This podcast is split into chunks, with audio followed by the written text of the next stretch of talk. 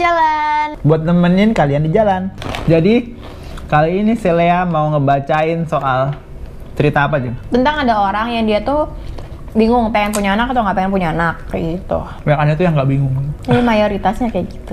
aku tak, aku cerita dari sisi si penulisnya ya. Jadi ntar aku ngomongnya aku aku gitu ya. Ini Iya. tuh sambil nge-translate jadi dia agak mungkin agak lama. Di sini ada namanya tuh fence sitter. Jadi fence eh, pagar, fence sitter itu orang-orang yang masih nggak tahu dia mau punya anak atau nggak mau punya anak. Dia bilang gini, waktu kecil itu dia tuh kan anak tengah, tapi dia tuh anak cewek satu-satunya. Jadi dia juga eh, bertanggung jawab atas tiga kakak dan adiknya dia yang cowok-cowok semua, termasuk kakaknya dia yang cowok juga. Dia nggak suka banget sama masa kecilnya dia karena dia harus bertanggung jawab itu kan.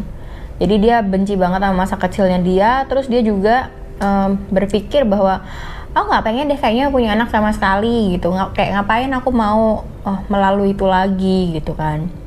Akhirnya dia jadi dewasa terus dia ngerasa oh normal kok kayaknya ya buat anak kecil.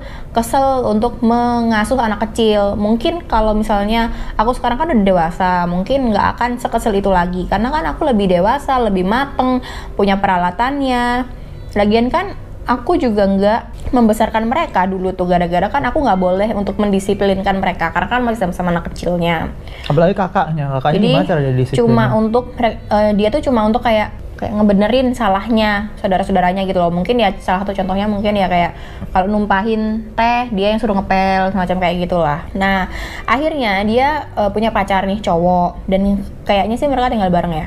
Punya pacar cowok terus dia mikir eh kalau cowoknya gimana ya? Terus ternyata cowoknya tuh pengen banget punya anak. Terus dia mikir ya udah dah berarti aku juga harus banget dong sekarang ini punya anak. Lagian aku juga suka kok sama anak-anak walaupun aku kesel sih waktu aku jadi anak-anak. Terus dia bilang "E, kebanyakan teman-temanku yang seusia aku tuh yang pertengahan 20-an yang udah punya anak itu pasti rata-rata itu situasinya kurang lebih sama deh kayak gini. Mereka itu eh, menderita resentful. Eh, kayak menolak apa ya, resent. Iya di bahasa Indonesia itu ya? Pokoknya resentful and unhappy ya nggak nggak bahagia. Bahagia. Terus pasangannya mereka itu juga nggak ngelakuin hal sebanyak yang mereka lakuin. Eh, jadi teman dia kan cewek ya. Jadi yang cowok-cowoknya tuh pada nggak ngelakuin gitu suami-suaminya. Nggak ikut ngebantu. Iya, jadi merawat. walaupun pasangannya itu si suaminya tuh sebaik-baik apa pun suaminya, tetap aja eh, yang cewek itu yang bakal kena eh, mental load paling gede gitu loh, punya tanggung jawab paling besar. Dia akhirnya ngelihat cowoknya dia sendiri kan, yang pengen punya anak itu, cowoknya itu anak tunggal. Nah, jadi dia nggak pernah punya adik, nggak pernah ngerasain bertanggung jawab. Terus juga dia nggak punya uh, sepupu atau keponakan, jadi dia nggak pernah ngerti gitu loh rasanya untuk membesarkan anak-anak tuh kayak apa. Akhirnya dia mulai mempertanyakan nih, kira-kira cowoknya ini dalam membesarkan anak itu kayak gimana sih? Apakah beneran ya dia ini mau uh, ataukah mampu gitu? Karena tiap kali dia nanya ke cowoknya, cowoknya tuh selalu jawab, "Uh, we'll figure it out gitu. Kayak lihat aja ntar, ntar kita juga bisa kayak gitu. Terus eh, dia tuh ngeliat merhatiin gimana cowoknya itu untuk mengerjakan eh, kewajiban rumah tangga gitu. Kayak sehari-hari gitu ya, chores. Iya sehari-hari dan juga mental load eh, yang dibagi antara mereka berdua. Dan dia ngerasa dia yang kena mental load paling gede gitu loh, tanggung jawabnya paling besar. Terus kalau soal pekerjaan harian rumah tangga itu, mereka itu dibagi rata sebenarnya 50-50. Cuman kalau cowoknya itu lagi sakit atau super capek banget karena kerja, Ditinggal. itu biasanya cowoknya tuh kayak aku sakit, aku capek kayak gitu akhirnya dia nggak ngerjain. Sedangkan kalau ceweknya itu lagi capek atau lagi sakit, cewek ini nggak nggak kayak gitu gitu. Jadi apa tanggung jawabnya dia itu dia kerjain. Nah jadi akhirnya cewek ini ngomong ke cowoknya soal hal itu. Otomatis cowoknya offended dong. Dia tuh kayak tersinggung gitu loh. Terus akhirnya ceweknya bilang, yaudah ayo kita babysitting test gitu.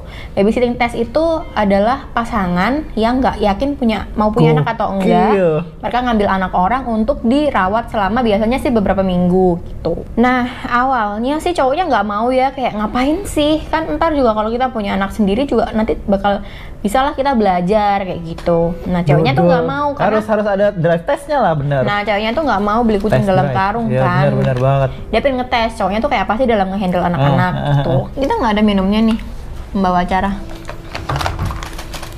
Itu ini ya. Ya. Ah, Oke lanjut ya.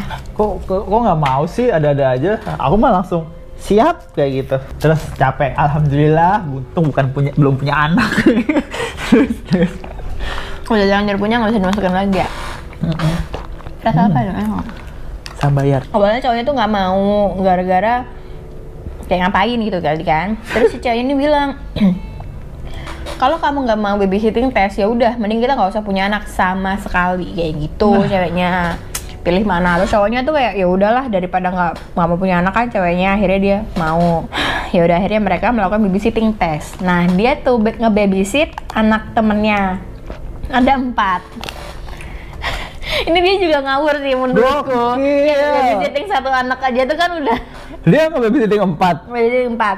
Jadi ada yang paling kecil itu bayi umur 2 minggu. Dua minggu. bisa dapat akses ke bayi dua minggu.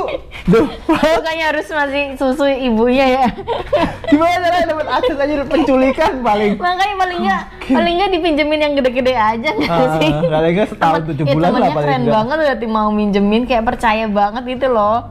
Kita punya nggak sih teman yang percaya buat teman minjemin? segoblok itu Jadi ada satu bayi masih umur 2 minggu, terus satu anak lagi umur 2 tahun, satunya lagi umur 4 tahun, dan yang paling gede umur 9 tahun. oh udah SD ya lumayan tuh bisa disuruh-suruh Nah, terus hasilnya nomor satu, holy fuck, I want none of that ever. lagi ngawur cuma minus minus satu aja capek ini empat anjir aku tahu, aku kenal gitu loh sama anak-anak itu dan aku juga sayang sama mereka. Terus fun banget juga kalau tiap kali aku main ke sana. Tapi ngawasin mereka selama dua minggu, that was hell. ya. Terus nomor dua, pacarnya dia tuh bener-bener nggak ngerti gimana cara anak-anak itu bekerja gitu loh. Dan bener-bener nggak ada kesabaran dalam ngadepin anak-anak itu nero banget dia dikit-dikit itu kesel sama anak-anak itu yang masih toddler, yang masih balita, dan juga jadi kayak nggak mau memahami gitu loh namanya anak umur segini kan juga emang mas- dia masih kayak gini misalnya atau kayak kayak kayak, gitu kayak kemarin waktu aku sepupu kita datang ya. Sepupu kita datang dia tuh masih kayak tujuh tahun. Datang ayo mau makan apa? Hmm, hmm, bingung kan dia. Nanya kita nanya mau makan apa. Cepet mau makan apa? Kalau nggak nggak dibeliin. Terus dia, aku mau ini sama mau ini. Pilih satu, cuma bisa pilih satu.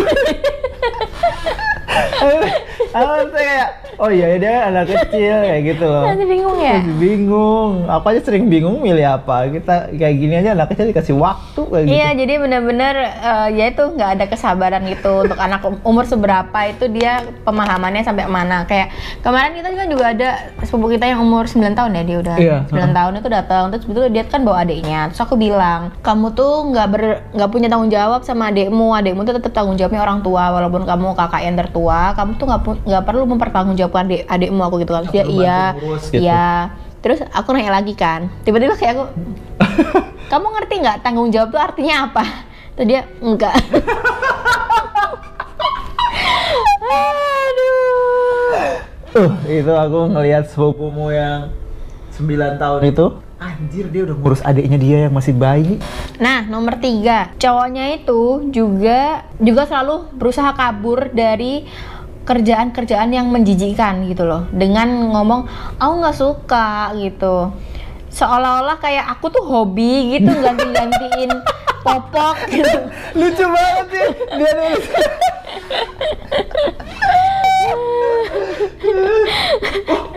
Anak kita boker, alhamdulillah bisa kita lakukan. Akhirnya hobiku bisa terpenuhi lagi, masa kayak gitu. Gundam aja. Iya makanya kok bisa segampang itu gitu loh cowoknya tuh ngomong oh, nggak suka, bener, jijik kayak gitu. Ya pasanganmu juga sama anjir, dia juga jijik juga nggak suka juga anjir, bukan hobi. Terus terus lanjut. Dan yang keempat, kalau kita berdua udah sama-sama capek dan bener-bener udah di ujung tanduk banget, dia akan berusaha untuk throw me under the bus. Itu apa tuh? Kayak dikorbankan. Mak- ya maksa dia gitulah pokoknya yang ngelakuin kerjaan tersebut gitu loh. Jadi biar si cowoknya tuh bisa istirahat. Padahal kalau lagi di posisi sebaliknya cowoknya nggak mau ngelakuin itu gitu loh. Buat ceweknya istirahat. Jadi kayak satu arah banget. Dan tetap cowoknya tetap kayak yang waktu sebelumnya mereka babysitting bayi cowoknya tetap ngelakuin sesuai kayak yang dia mau. Kalau dia mau istirahat dia istirahat. Ceweknya yang ngelakuin sisanya. Tapi nggak mau ngelakuin sebaliknya. Terus katanya yang paling akhir nih yang paling terakhir banget yang bikin dia paling kesel waktu di akhir cowoknya ditanya kamu mau punya anak? Dan cowoknya bilang mau. Masih mau cowoknya itu nggak berubah pikiran. Terus cowoknya tuh bilang gini karena anak-anak kita tuh bakal beda daripada anak-anak ini. Kita akan mendidik mereka dengan benar. Nggak kayak gini. Terus ceweknya ceweknya ini ngomong gini kayak dia tuh kayak bener-bener bisa percaya gitu bahwa mem- mendidik anak biar lebih baik Kayak- dari ini tuh seolah-olah bi- bisa Kayak- bikin anak yang umur 2 tahun biar nggak tantrum sama hal-hal yang irasional gitu loh. Padahal hal-hal kayak gitu kan Iya namanya anak kecil emang kadang-kadang suka tantrum, suka marah, suka tiba-tiba goser-goser gol-gol di lantai kayak gitu loh. Kira kayak gimana yang masalah coba anak dua minggu gimana coba caranya? Dia bisa bikin mendidik lebih baik gitu. Oh, eh, mu nanti harus di jam-jam kita bangun ya. Kayak jam-jam kita udah selesai makan, kamu baru boleh ee kayak gitu kan nggak bisa. Atau eh emu harus keluar wangi. Terus bentuknya kalau bisa blok-blok gitu ya, nggak boleh jemek-jemek dan bau gitu. Ya kalau anaknya kambing enak ya, kayaknya bulat-bulat semua udah jadi. Nah, terus katanya gara-gara pengalaman itu akhirnya si cewek ini udah fix dia memilih child free dan dia bener-bener bahagia banget udah pernah ngelakuin ini dan dia bener-bener rekomen banget buat teman-teman yang lagi bingung. pengen punya anak atau nggak pengen punya anak cobain deh kayak kayak gitu dia ini bakal dia ini bahkan tuh tetap suka kok sama anak-anak. Dia suka banget. Tapi bener-bener dia tuh bahagia banget sebenarnya sama anak-anak itu. Dia cintalah sama mereka. Tapi ketika udah nganter pulang kata dia tuh lega banget gitu. Karena dia cuma butuh dia cuma diwajibin dua minggu doang buat kayak gitu. Dia nggak ngebayangin 20 tahun. Dia nggak ngebayangin gimana temennya dia buat ngehandle itu selama bertahun-tahun ke depan dan masih ada kemungkinan buat nambah lagi nambah lagi kan biasanya. Kayak gitu. Kita kita berdua ini kan kita pernah kan ngerawat hmm. ngerawat bayi. Ya kayak gini babysitting gini babysitting juga. ini tapi cuma satu. Itu pun rasanya ya ampun pengen child free. Terus dia juga kalimat penutupnya, aku sekarang single and ready to mingle, woo, because fuck staying with a man yang only love me ketika hal-hal itu eh, hal-hal dalam seharian itu easy, tapi ketika sesuatu tuh berubah jadi agak berat dikit aja dia langsung mengorbankan cewek ini gitu loh. Lagi pula dan cowok itu juga sekarang kan pengen punya anak, jadi ya mereka udah nggak compatible lagi, tapi ya semoga selamat deh cewek setelah ini kata dia sih kayak cowok tuh rata-rata nggak ada yang child free sih. Cowok jarang banget child free Ya karena mereka tahu karena yang mereka nggak ngurus mereka tahu yang bakal keberatan. Hmm. nanti yang bakal kecapean tuh cewek gitu. Walaupun misal dibilang ceweknya nanti tetap wanita karir gitu kan. Tapi Hmm. dikira yang nyusuin siapa ya nggak sih? Yang melahirkan siapa? Terus nanti ketika ada masalah di, di sekolah atau ada apa-apa, emang pernah pihak sekolah tuh kayak ini bapaknya nih nggak ngerawat enggak pasti ibunya yang digituin ini Hmm. mamahnya ini nih nggak ngerawat nggak nggak paling berat tetap cewek sih emang. Jadi ketika kamu memutuskan punya anak kamu harus tahu bahwa sebagai wanita kamu yang dituntut paling besar. Dalam hal itu mau sebaik apa pun suamimu kayak gitu dapat suami yang baik aja tuh sebenarnya masih berat gitu kan ya. Apalagi dapat cowok brengsek kayak gini ya mending udah say bye bye dari awal aja deh. Oke udah itu ya. Iya udah